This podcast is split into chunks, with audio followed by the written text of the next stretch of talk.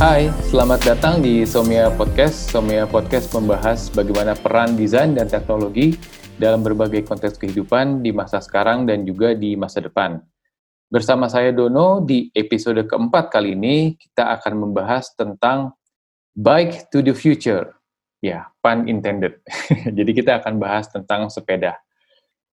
Oke, di episode kali ini kita ditemani oleh Free, Free adalah salah satu uh, senior consultant di Somia. Halo Free. Yo Don. Free, uh, perkenalan dikit dong, ceritain tentang diri lu. Ya, yeah. um, oke. Okay. Gue sebetulnya adalah karyawan. Um, title-nya sih rada panjang, Senior Experience Design Consultant di Somia, tapi ya intinya pegawai lah. Yeah karyawan itu manusia yang berkarya ya. Jadi Yoi. lumayan luhur sebenarnya. Betul, betul. Luar biasa ya. Luar biasa. Jadi sebetulnya banyak banget di Indonesia ini orang-orang yang luhur. Benar, benar. Cuman kita nggak nyadar aja. Bisnis. Makanya jangan bikin bisnis. uh, Free, uh, kan nih temanya kan tentang sepeda nih. Terus uh, gue tahu lu hobi sepeda cerita dikit dong, lu punya sepeda tuh ada berapa banyak sih? Terus tipe-tipenya apa aja? Hmm, sekarang ada tiga. Jadi tipenya sih yang satu sepeda lipat, mm-hmm. yang satu lagi sepeda gravel istilahnya, sama yang satu lagi cyclocross. Gitu. Apa tuh bedanya tuh? Kalau sepeda lipat bisa dilipat, gravel sama cyclocross nggak bisa dilipat. Tapi intinya sih kalau dibayangin mungkin mungkin teman-teman lebih familiar sama ada MTB sama ada road bike kan. Mm-hmm. Nah gravel sama cyclocross itu ada di tengah-tengahnya MTB sama road bike. Jadi um, gravel dan cyclocross bisa dipakai di uh, jalur-jalur yang jalannya nggak rata, tapi bisa dipakai juga di jalur yang jalannya rata. Gitu. Um, mm Intinya sih gitu. Jadi dia lebih hybrid lah tipe hmm. sepedanya. Hmm. Kalau teknologinya ada perbedaan yang mencolok nggak di antara ketiganya? Hmm. Kalau sepeda lipat yang paling mencolok tadi bisa dilipat dan ukurannya relatif kecil. Brompton gua, ya, Brompton. Bukan, bukan, bukan. Um, gue pakainya Polygon. Oh, Oke. Okay. Itu lumayan oke okay tuh. Harganya juga murah waktu gue beli sih 1,8 ya waktu itu. Hmm. Jadi yang gue suka dari si sepeda lipat ini karena harganya murah, kalau dibanting pun gue nggak merasa sedih gitu. Wih. Jadi dulu uh, sebelum orang-orang pakai uh, Brompton, gue suka jalan-jalan um, keluar daerah gitu kan, hmm. keluar kota sambil bawa sepeda ini. Nah, gue perlakukannya sebagai barang bagasi aja. Jadi hmm. cuma gue gulung pakai kardus, hmm. terus taruh di bagasi, nah keluar dari bandara langsung goes, langsung jalan. Oh jadi ya waktu kita pernah trip ke Bali itu lu bawa sepeda lipat yang poligon yang itu berarti? Benar, benar. Yang itu banget tuh. Hmm. Nah gue sama sepeda itu udah lumayan banyak sejarah lah. Pernah juga kayak jatuh dari turunan lumayan ekstrim. Uh, sepedanya nggak apa-apa, gue yang kenapa-napa. Untungnya sepedanya masih bisa dilipat ya. Untungnya bisa dilipat dan masih bisa dipakai don. Wih. Iya. Canggih canggih. Dan karena kayak... murah, jadi gue nggak sedih-sedih amat. jadi kayak ini uh, kita mengendorse suatu brand. oh iya benar. Anyway. Tapi gue gue mengendorse Polygon. Oh, iya. gitu. Sepeda pertama gue juga dulu Polygon. Iya. Ya, tahan banting juga. Banget banget. Super durable. Uh, terus tahu gue kalau yang gue tahu gravel itu kan seperti namanya gravel itu kan kalau di jalanan tuh kerikil ya. Oh iya iya benar. Kerikil kan. Berarti mm-hmm. memang dikhususin buat uh, jalan raya tapi yang masih berkerikil tuh masih bisa gitu ya. Tapi bukan untuk yang mountain bike yang naik turun, yeah. uh, bukan untuk trek kayak gitu ya. Bukan, betul. Jadi uh, kayak lu bilang cocok banget buat uh, jalan berkerikil kayak di Jakarta kan bapak tuh jalan-jalan yang berlobang nah sepeda ini mapan tuh di situ atau yang dibuat dari konblok Hmm. Nah itu juga oke. Okay. Atau jalan-jalan yang masih berlumpur gitu kan, ya biasalah standar. Karena kita suka lihat di jalan, terus ada banyak tanah-tanahnya kan, nah itu masih hmm. oke. Okay. Jadi sebenarnya cocok banget nih buat di jalan Jakarta. Hmm. Um, dia sendiri si gravel ini lebih mengutamakan um, frame-nya itu lebih fleksibel gitu ya. Nah, Jadi enggak. Cuma dia nggak punya shock breaker. Nah, itu nggak ada shock breaker depan atau belakang ada? Nggak ada, nggak ada sama sekali. Oh, nggak ada sama sekali. Jadi cuma dari geometri kerangkanya, dari bentuk kerangkanya itu udah dia lebih bisa menyimpan getaran lah. Dan nggak terlalu berasa di badan. Ya, ya, ya. Nah, bedanya sama cyclocross, cyclocross itu biasanya dipakai buat kompetisi balapan di track yang ya itulah gabungan juga antara jalan yang relatif mulus gitu, nggak mulus-mulus banget, relatif hmm. mulus sama berlumpur. Hmm. Nah, makanya uh, dia karena buat balapan kerangkanya lebih apa ya, lebih kaku gitu don. Jadi kalau kena getaran tuh biasanya lebih berasa di badan. Hmm. Tapi rasanya kayak lebih responsif. Gitu. Jadi kalau kita ngegenjot tuh kan langsung berasa tuh karena dia karena dia kaku langsung berasa di ban. Mm-hmm. Nah, jadi kita bisa lebih cepat lah jalan nih. Hmm, Oke. Okay. Ya. Lu sekarang pas sepedahan itu biasanya kan orang-orang tuh suka ngetrek ini ya, ngetrek udah berapa kilometer atau ngetrek uh, heart rate gitu. Oh, iya. Lu suka kayak gitu nggak? Kayak cadence gitu kan putaran oh, iya. mm-hmm. kakinya powernya berapa berapa watt nih yang kita keluarin iya yeah. mm-hmm. um, gue dulu sih waktu awal-awal sepedahan cuma semakin ke sini gue ngeliat sepedahan lebih sebagai utilitas sih jadi buat transport dari titik A ke titik B gitu lebih praktikal aja bukan buat performance gitu ya Don. Hmm, kalau dulu buat performance. Dulu ya relatif buat itulah. Emang sepedaan pengennya buat kencang-kencangan gitu kan. Hmm. Kayak kalau pakai Strava itu ada aplikasi buat nge-track juga. Jadi uh, kita bisa lihat tuh dari misalnya uh, jalur Sudirman gitu kan. Hmm. Orang tuh bikin track Sudirman gitu. Nah, terus orang kita bisa ngelihat speed kita berapa, terus dibandingin sama orang lain ada rankingnya gitu dong. Oh gitu. Yoi. Oh, I see. Jadi bisa aja misalkan uh, lu kan di Bintaro nih, lu bikin hmm. jalur sendiri, jalur Betul. Bintaro, terus nanti kalau orang yang ngikutin jalur lu, dia akan bisa compete sama lu gitu. Yoi. Hmm, menarik. Terus lu dulu pernah nyoba-nyobain ikut-ikutan gitu? Oh pernah. Bikin bikin segmen sama numpang segmen orang lah, ngikutin segmen orang gitu kan. Hmm. Uh, ada tuh segmen yang gue lumayan kompetitif di Bintaro. Jadi dia dari Permata hmm. ke McD, ke sebelum McD tuh, McD sektor 9. Sektor 9, ya. Uh -uh. Nah itu ada ada segmennya tuh. Hmm. Nah dulu gue sempat di ranking paling tinggi tuh empat apa tiga gitu. Wih. Tapi itu cuma bertahan beberapa jam aja sih. Terus di, di, dibantai lagi. itu berarti real time ya? Itu real time. Jadi setiap ada yang lewat, selama dia pakai Strava langsung ke kerekam tuh dan jadi bukan kita pencet dulu gitu enggak. Hmm, oke oke oke. Itu berarti si uh, itu kan bentuknya apps ya. Berarti si handphonenya juga lu bawa-bawa ya. Maksudnya bukan dalam bentuk jam uh, jam digital gitu enggak ya? Iya, gue sih waktu itu masih dalam bentuk HP lah. Untuk beli gear-gear gitu kayaknya terlalu mahal. Hmm. Tapi banyak sih yang pakai kayak lu bilang kan, ada yang mungkin pakai Garmin, hmm. ada yang pakai Wahoo gitu. Jadi itu kayak bike komputer istilahnya. Bike komputer. Hmm. Kayak satu device yang kita taruh nanti dia nge-track GPS kita terus bisa dimasukin ke um, HP gitu. Hmm. Uh, waktu itu waktu lu pakai Strava apa segala itu yang lu rasain apa sih selain kayak, weh gue bisa masuk ranking nih gitu. Sebenarnya useful nggak sih data-data itu buat lu gitu? Uh, dulu sih rasanya useful ya, karena gue jadi tahu kan sebetulnya performance gue naik sepeda tuh meningkat atau enggak. Hmm. Gue tambah jauh nggak sih naik sepeda? Gitu. Gue tambah cepat nggak sih naik sepeda?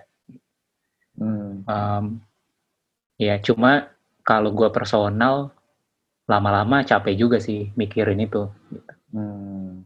Jadi gue kurang menikmati lah ketika naik sepedanya gitu. Karena ketika performance gue nggak sama gitu kan, gue kecewa. Hmm. Atau ketika gue pikir gue udah maksimal, terus gue ngelihat orang lain um, kayaknya ekstrim banget gitu.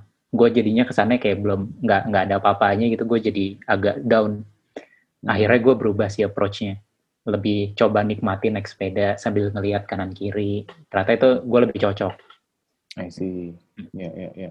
Berarti lu nggak ada gear kayak misalkan yang chest strap gitu untuk untuk ngukur heart rate gitu, lu nggak nggak nggak sempet pakai? Nggak, tapi tadinya udah nabung don buat hmm. buat beli. Iya, iya, iya. Ya. Itu karena kan kompetitif kan rasanya kayak wah gue pengen lebih oke okay nih dari teman-teman gue gitu. Ya, ya. ya kalau gue lihat uh, sorry, gue lihat teman-teman gue yang pakai chest strap itu sih ya berguna banget ya maksudnya kalau emang kita sepedahannya itu yang kompetitif yang oh kita harus menjaga cadence atau pengen speednya naik atau gimana once heart rate kita udah terlalu apa ya terlalu tinggi mereka akan ngasih ngasih notification juga kan mm-hmm. bahwa lu nih ketinggian nih uh, turunin dikit gitu. benar benar benar itu itu berguna banget sih don memang ada cerita juga jadi um, salah satu uh, kenalannya temen gue itu uh, ada yang memang udah tua, udah lebih lanjut ya usianya. Hmm. Um, dia nggak pakai alat gitu, jadi hmm. dia genjot aja terus ngikutin temennya. Hmm. Padahal mungkin dia performa badannya nggak sefit temennya kan. Hmm. Uh, jadi um, sedihnya itu dia kena serangan jantung dan akhirnya meninggal dunia. Gitu. Ya ampun. Uh, padahal sebetulnya mungkin ya kalau dia pakai heart rate strap itu bisa ketahuan kan ya? Yeah. dia udah melebihi batas atau enggak? Hmm. jadi in, in a way sebetulnya nggak cuma buat performance sih. Ada ada keuntungan. Kita tahu juga batasan diri kita ada di mana gitu kan? Ya cuman mostly kalau misalkan kita sepedahannya yang fun bike gitu ya mm-hmm. heart rate-nya kan ya udah segitu-segitu aja paling. Betul betul. Nggak perlu khawatir terlalu banyak. Enggak um, terus selama pandemik ini lu masih sepedahan nggak? Nah, kalau gue sendiri sih karena gue rada takut ya Don ya. Mm -hmm. Gue nggak sepedahan. Jadi udah lumayan lama lah. Hitungannya mungkin empat bulan ya. Artinya gue nggak sepedahan. Hmm. Gitu. Indoor gitu? Atau lu beli apa sih yang trainer atau mungkin ada tuh yang wahoo kicker tuh yang mm -hmm. lu bisa sepedahan di uh, dalam di rumah ya. ruangan, ya? uh, terus bisa pakai ada display TV-nya atau apa ya? Yo yo itu sebetulnya menarik banget sih. Cuma uh, gua karena tadi kan gua ngerasa sepedaan itu lebih buat utilitas atau rekreasi. Hmm. Um, gua nggak merasa ini sih perlu perlu amat gitu sepedaan di rumah. Gue pengennya kalau sepedaan yang ngeliat sekitar ganti suasana gitu kan. Ngerasain semilir angin. Gitu. Hmm, hmm. Kalau indoor kan nggak pas ya. Hmm. Cuma gue juga ngeliat sih itu emang kelihatannya oke okay banget sih, terutama buat orang-orang yang ngejar buat olahraga gitu ya. Iya yeah, benar. Gitu.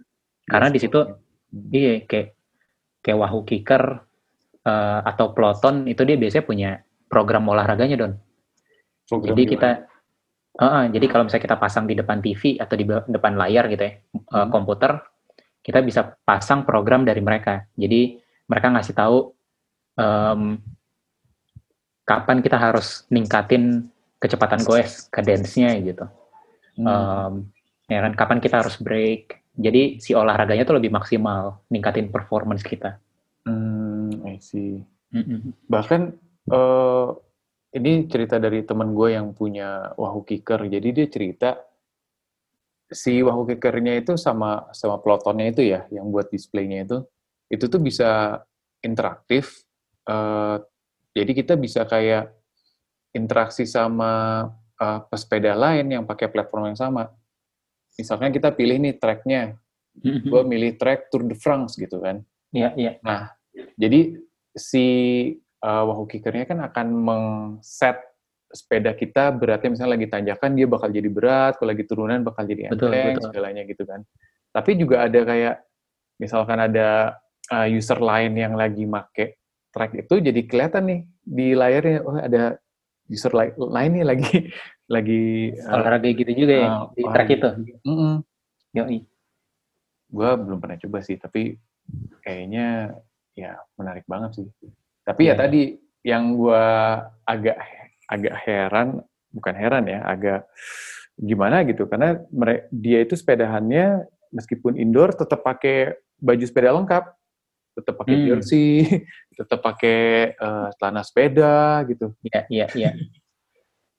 Mungkin biar gitu. biar in the zone sih. ya, in the zone benar benar benar. Ya, iya. Nah, itu itu juga salah satu yang uh, gue nggak lakuin sih dari dulu pakai jersey sepeda.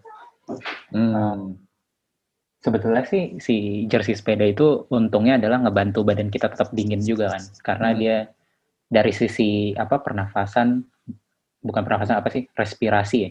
Hmm. Oke, jadi uap airnya itu lebih gampang, hmm. kita lebih gampang menguap lah. Jadi ya, kita lebih, lebih cepat kering kan lebih cepat kering. Hmm. Um, terus kalau di luar kan sebetulnya ada keuntungan karena bajunya nggak kibar-kibar, jadi hmm. resistensi terhadap anginnya lebih rendah gitu kan. Hmm. hmm, hmm. Jadi ngegoesnya lebih gampang. Hmm. Tapi kenapa lu nggak pakai itu? Karena karena menurut gua geli. uh, uh, satu sih. yang kedua, yang kedua kayaknya repot aja gitu kalau naik sepeda harus ganti baju dulu. Hmm. Jadi kalau gue naik sepeda, ya udah tinggal naik lah. Hmm. Nah, jadi penasaran. Um, kalau lu kan tadi bilang naik sepeda malas kalau ganti baju dulu. Singkat gue lu pernah ke kantor kan bawa sepeda tuh free. Betul. Itu lu berarti nggak ganti baju? Wah, keren bagus. gue dijebak. ganti sih kalau itu. Ganti, um, ya soalnya kan keringetan. Hmm. Lumayan juga ya dari Bintaro ke kantor kita di Walter Mongin City itu berapa kilo tuh? Uh, 19 kilo. 19 kilo. Kurang lebih. Ya. Oh, lumayan sih. Lumayan, lumayan. Uh, nggak, nggak ekstrim tapi lumayan lah. Mm-mm. Lumayan debunya juga ya. oh iya benar sih. Polusi ya Polusi. sebetulnya. Uh, nah ngomongin itu mungkin gue jadi penasaran sih kalau menurut lu kalau lu kan menggunakan tadi lu bilang sepeda untuk mobility untuk dari titik A ke titik B gitulah ya. Betul betul. Bukan untuk performance. Nah, Free kalau ngomongin uh, sepeda sebagai alat mobilitas nih di masa depan, menurut lu gimana? Ada chance atau enggak? Terus conditionnya bakal kayak gimana mungkin? Misalnya kita ngomongin itu berarti kita ngomongin spekulatif desain nih Don. Jadi kita coba ngemetain di masa depan itu uh, possibility-nya apa sih gitu kan? Apa yang bakal terjadi sama uh, sepeda? Mm. Sehingga kita bisa milih nih sebetulnya yang menurut kita paling uh, desirable gitu ya, yang paling kita inginkan itu masa depan yang mana sih? Gitu. Mm. Nah, jadi kita bisa ngikutin, kita bisa bikin roadmap-nya. Mm um, kalau gue ngelihatnya ada ada tiga kemungkinan di masa depan. Itu kalau ngelihat dari apa yang terjadi di negara-negara lain ya. Um, pertama itu kita bisa jadi kayak Amerika, gitu. Orang-orang masih tetap pakai sepeda, tapi banyaknya menggunakan public transportation, gitu. Um, kendaraan yang berkurang adalah kendaraan personal, menggunakan kendaraan bermotor personal. Itu yang satu.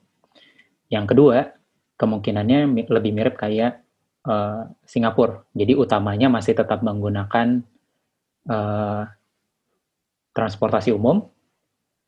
Uh, sepeda itu digunakan lebih sebagai uh, sarana untuk pergi dari rumah ke transportasi umum. Ya, jadi alat transit aja gitu ya? Alat transit. Jadi tambahan lah sekunder. Yang ketiga itu kita bisa kayak Belanda. Belanda itu mengutamakan transportasi sepeda. Jadi transportasi lain digunakan hanya jika biasanya ya sepeda nggak mumpuni gitu. Contohnya misalnya bawa barang banyak banget. Atau memang e, dari satu daerah ke daerah lain terlampau jauh lah untuk ditempuh lewat sepeda. Oke, berarti uh, ada tiga senario nih ya. Berarti nah. yang pertama yang Amerika itu kayak which mungkin kayak kita sekarang kayak sepeda itu ya as a hobby, as a performance gitu ya. Betul. ya. Nggak masuk dalam daily terlalu masuk dalam daily life gitu ya. Yang yeah. kedua mungkin di Singapura sepeda lebih ke alat uh, transit as a tool gitu ya. Dan kalau di Belanda itu lebih ke benar-benar total utilization kali ya untuk jadi yeah. transportasi yeah. sehari-hari. Transportasi okay. utama gitu. Mm -hmm. Oke, okay. menarik. Nah menurut lu dari tiga ini um, yang visible atau desirable itu ke arah mana, Frik? Sebetulnya ya clear lah yang paling terakhir kan. Sebenarnya ketika sepeda itu jadi transportasi utama. Kenapa? Um, sebenarnya ada tiga alasan sih dan tiga-tiganya ini berdasarkan um, emang ada sainsnya gitu. Hmm. Jadi ya pertama ya lebih ramah lingkungan. Um, kendaraan umum sama kendaraan bermotor lainnya itu kan masih mengeluarkan emisi gitu kan. Hmm. Ya bus juga tetap aja ada polusinya gitu. Hmm. Nah, jadi sepeda kan lebih hijau. Jadi secara lingkungan lebih bagus gitu. Ke depannya untuk kalau kita mau tackle climate change, ya salah satunya adalah dengan naik sepeda ini. Um, yang kedua itu dari sisi kesehatan. Jadi di di Inggris atau di London itu, um, terutama sih sepanjang pandemi ini ya, hmm. um, mereka tuh sadar kalau um, orang kan udah nggak bisa naik kendaraan umum lagi. Gitu. Hmm. Terus akhirnya banyak yang naik sepeda. Gitu. Uh, eh, kayaknya nggak nyambung. Anyway, Uh, tapi di London atau di Inggris itu uh, ada penelitian yang bilang um, ketika uh, orang naik kendaraan bermotor, setiap kilometernya itu mengeluarkan biaya sebesar 76 sen untuk negara gitu ya. Sedangkan kalau untuk orang yang naik sepeda, setiap kilometernya itu memberikan untung 72 sen setiap kilometernya. Dari mana sih keuntungannya? Uh-huh. Jadi kalau dari kendaraan bermotor itu ya standar lah kan uh, mungkin biaya ya polusi dan sebagainya gitu ya. Um, kalau dari naik sepeda itu keuntungannya dapat dari karena masyarakatnya jauh lebih sehat sehingga biaya kesehatan negara secara keseluruhan menurun. I see, make sense, ya. Yeah. Hmm. Gitu um, di sisi lain dari sisi infrastruktur juga jauh lebih murah ngebangun infrastruktur sepeda ketimbang infrastruktur mobil atau kendaraan umum gitu. Jadi sepersekian biayanya don. I see. Ya jadi foreseeable bukan foreseeable uh, preferred preferred future-nya kalau kita pakai spekulatif design kita berspekulasi ya kita prefer yang kayak Belanda lah ya. Um, tapi dari situ kalau kita ngomongin lagi secara desainnya kira-kira menurut lo apa yang bisa apa yang mungkin berubah nih Frik? Selain selain ada ini ya, ada bike lane yang mungkin lebih besar gitu. Tapi secara desain lainnya mungkin nggak tahu rambunya atau apanya ada yang berubah nggak? Yoi.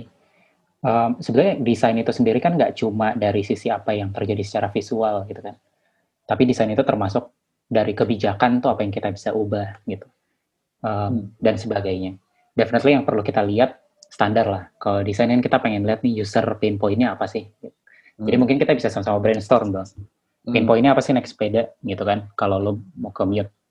Polusi, Satu, panas. Panas. Terus kalau nyampe lokasinya, gue nggak bisa ganti baju, nggak bisa mandi. Ya. Apalagi ya? Sebenarnya itu sih sama mobil ya. ya kan, rebutan sama kendaraan lain. Ya, jalurnya. Yoi.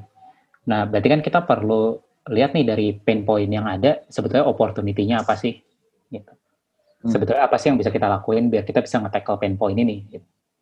Hmm. Um, kalau gue ngeliatnya, sebetulnya ke semua yang tadi lo sebutin ini, hmm. itu um, isu utamanya adalah dari penggabungan antara kendaraan bermotor dan sepeda di jalanan. Hmm. Kenapa? Karena panas. Panas itu sebetulnya nggak cuma dari iklim kita sih, Don. Maksudnya di luar juga orang-orang kan summer tuh panas. Mm -hmm. Mm -hmm. Tapi mereka naik sepeda gitu. Um, sebenarnya panas dari kita itu um, iklim tuh satu hal. Faktor lainnya itu sebetulnya adalah uh, panas dari kendaraan bermotor sendiri. Gitu. Dari mesinnya ya maksudnya. Ya? Dari mesinnya gitu. Hmm. Jadi ya sebetulnya double lah panasnya gitu. Jadi kalau misalnya kita bisa pisahin um, antara mobil dan sepeda, panas itu akan lebih berkurang. Satu. Kedua, kita ngetek ke masalah berikutnya, yaitu uh, sepeda nggak perlu bersaing sama mobil di jalanan. Kita bakal ngerasa lebih nyaman. Hmm. Nah, kan? Orang-orang nggak ngerasa perlu nyamain kecepatan dengan mobil ketika dia pengen belok gitu kan. Hmm. Uh, orang-orang bisa lebih santai gitu sepedaan. Hmm. Ya, orang nggak kompetisi kan, kita nggak rebutan daerah gitu sama kendaraan bermotor hmm. lain. Gitu. Hmm. Um, jadi itu satu solusi. Kedua, mungkin kita bisa juga nanam pohon hmm. uh, sebagai pembatas misalnya. Hmm. Dengan kita nanam pohon, pertama ya ngurangin polusi gitu kan. Kedua, ngurangin panas. Artinya lebih banyak bayangan hmm. gitu di sekitar. Karena um, dari sisi panas sekarang udah jauh lebih berkurang. Uh, mungkin ya kita juga artinya bisa juga bisa sampai kantor nggak perlu keringetan banget gitu. Hmm, Oke. Okay. Ya, jadi kalau gue ngeliatnya itu ada beberapa opportunity itu yang bisa kita lakuin. Hmm. Gitu. Ya, yeah. Um, yeah. Separationnya menarik sih. Uh. Uh, jadi sebetulnya kita cuma perlu lebih kreatif dalam ngelihat apa sih yang jadi masalah, gitu. Hmm. Kita perlu lebih kreatif aja ngelihat sebetulnya ini pengelompokan masalahnya ada di mana aja sih gitu kan. Sama kita perlu punya kemauan sih sebagai masyarakat kota dan sebagai pemerintah kota itu sendiri gitu untuk menyediakan jalur-jalur ini. Gitu. Um, ya sebetulnya di masa pandemi ini salah satu yang masa yang lumayan penting sih untuk kita menyadari dan membuat perubahan gitu. Kenapa? Karena pertama dengan kondisi sekarang kita sebetulnya bisa lihat kan bahwa transportasi umum udah nggak bisa dipakai. Kapasitas yang tadinya uh, besar sekarang hanya tinggal setengahnya gitu. Orang nggak hmm. bisa rely ke transportasi umum. Artinya mereka semua harus punya um, cara personal untuk pindah dari titik A ke titik B. Nah hmm. ini di di London kan udah mulai uh, menyadari ini nih, makanya banyak banget uh, bike lane bike lane baru di kota yang dibikin. Gitu. Hmm. Walaupun masih sementara temporer sifatnya. Hmm. Uh, uh, ya otomatis walaupun uh, bersepeda kita tetap harus mikirin sih tentang jaga jarak satu sama lain gitu kan, hmm. uh, biar ya protokol-protokol standar kesehatan lah, biar kita nggak saling menularkan, nggak tertular juga dari COVID. Um, kedua kita juga lihat kan sebetulnya fenomena bahwa sepanjang COVID ini orang-orang banyak loh yang naik sepeda. Dan naik sepedanya tuh bukan cuma berapa kilometer gitu, satu dua kilometer gitu. Hmm. Tapi bisa berpuluh-puluh kilometer. Ya kan? Hmm. Artinya apa? Orang-orang tuh sebetulnya mau loh sepedaan jauh. Bisa loh sepedaan jauh gitu kan. Iya. Yeah. Nah, tinggal infrastruktur pendukungnya aja yang belum ada gitu. Bayangin kalau sekarang um, ya pemerintah Jakarta gitu kan dengan lockdown bisa ngelihat opportunity, kebetulan jumlah kendaraan bermotor lebih sedikit, ya kita perbanyak jumlah uh, jalur untuk kendaraan bersepeda. Hmm. Gitu. Ya definitely lagi-lagi dengan memastikan protokol kesehatannya dijalankan gitu kan. Jangan sampai sepeda bergerombol deket-deketan gitu. Iya. Yeah. Tapi harus berjaga jarak, tetap pakai masker gitu kan. Um, dan mungkin diberikan penjelasan kepada masyarakat gitu bahwa karena menggunakan masker berarti kita harus lebih paham juga tentang kemampuan diri sendiri gitu, jangan terlalu diforsir gitu. Hmm, hmm, hmm, iya benar. Ya kalau itu bisa dilakukan mungkin nextnya adalah memastikan jalur yang sudah dibuat itu tidak disalahgunain artinya ntar ada sepeda motor lah ikutan di situ gitu terus nah, tiba-tiba nah. ada uh, tukang jualan bakso iya. ya itu kan gue bu bukan bilang hal yang umum ya tapi memang kondisi uh, masyarakat kita kan seperti itu ya. Kalau di luar kan nggak ada tuh yang jual bakso atau gimana gitu. Jadi. Ya penerapannya mungkin bisa lebih diatur lah gitu. Kalau yeah. kita mungkin lebih harus ada extra effort. Hmm. Sebetulnya lo tau gak sih di Thailand itu hmm. uh, baru dua tahun lalu atau tiga tahun lalu gitu. Hmm. Um, ya beberapa tahun belakangan lah. Uh, tadinya banyak juga tuh um, warung-warung pinggir jalan kayak hmm. di kita hmm. yang di trotoar-trotoar. Hmm. Tapi bisa bersih don sekarang. Bersih artinya nggak ada lagi mereka gitu. Bener, karena dari sisi pemerintah emang benar-benar nge-enforce itu sih. Hmm. Jadi ketika ada ya ditegur dan didenda gitu. Dan gak cuma itu, mereka emang di, disediain uh, tempat alokasi lain gitu. Ya, ya, ya, ada solusinya juga lah ya. Yeah. Gak, asal diusir. Hmm. Sebetulnya kan kalau dilihat dari sisi kota ya, kita sama Bangkok tuh mirip banget. Hmm. Cuma Bangkok mungkin beberapa tahun lebih maju lah karena MRT-nya udah jalan, lebih jalan gitu kan. Hmm. Dari segi infrastruktur jalannya juga lebih bagus daripada kita. Tapi sebetulnya mirip-mirip lah kita sama mereka gitu. Uh, artinya kalau bisa dilakukan di Bangkok, yang notabene juga di Asia Tenggara gitu budayanya mirip-mirip lah sama kita. Hmm. Ya kenapa nggak bisa di kita gitu kan? Hmm. Uh, jadi intinya ketika kita mencoba melihat berspekulasi gitu, ke depannya ada apa aja, ya kita bisa lihat aja sebetulnya pembelajaran dari negara-negara lain gitu. Sekarang trennya apa aja sih yang terjadi gitu kan? Mm-hmm. Um, kayak kalau dari Amerika, ya karena harga bensin mahal, orang-orang pakai public transportation, tapi karena mereka secara policy masih ngebela kendaraan bermotor, ya sepeda akhirnya nggak maju gitu kan. Hmm. Atau kayak di Singapura sebetulnya mirip sama di Amerika, tapi mereka mulai menyediakan um, tempat parkir sepeda, di di titik-titik transportasi umum gitu kan. Uh, jadinya lebih banyak orang yang mau pakai sepeda gitu. Uh, sebenarnya sekecil itu aja perubahannya udah signifikan kan. Cuma nambahin tempat parkir aja udah lumayan signifikan gitu. Hmm. uh, kalau kayak kita bisa kayak di Belanda gitu ngeliatin infrastruktur kita lebih bagus ya itu bukan sesuatu yang uh, jauh dari jangkauan sih. Tinggal kita lihat lagi nih sebetulnya pain points orang bersepeda itu apa aja sih gitu. Mindset apa yang kita perlu ubah gitu kan. Hmm. um, infrastrukturnya uh, kebijakan apa yang kita perlu ubah kita bisa belajar juga dari negara-negara lain gitu. Apa sih yang mereka lakuin dan kenapa mereka bisa sampai ke titik itu. Um, gitu sih. Ya ya oke Free menarik banget uh, bahasannya. Kita tadi ngomongin gimana sih kalau sepeda a mobility gitu ya di uh, masa depan tuh bakal kayak gimana. Dan dengan menggunakan speculative design sebenarnya ada beberapa rute yang yang uh, bisa terjadi dan kita bisa memilih sebenarnya kita prefer ke arah yang mana gitu ya. Ya ya. Oke kalau begitu uh, makasih banyak Free buat waktunya uh, episode keempat podcast kita kali ini gue tutup di sini. Untuk yang dengerin, kalau mau ada saran atau suggestion bisa ke anchor.fm slash atau di Instagram kita at somyacx. Oke, sampai jumpa di episode berikutnya. Bye! Bye!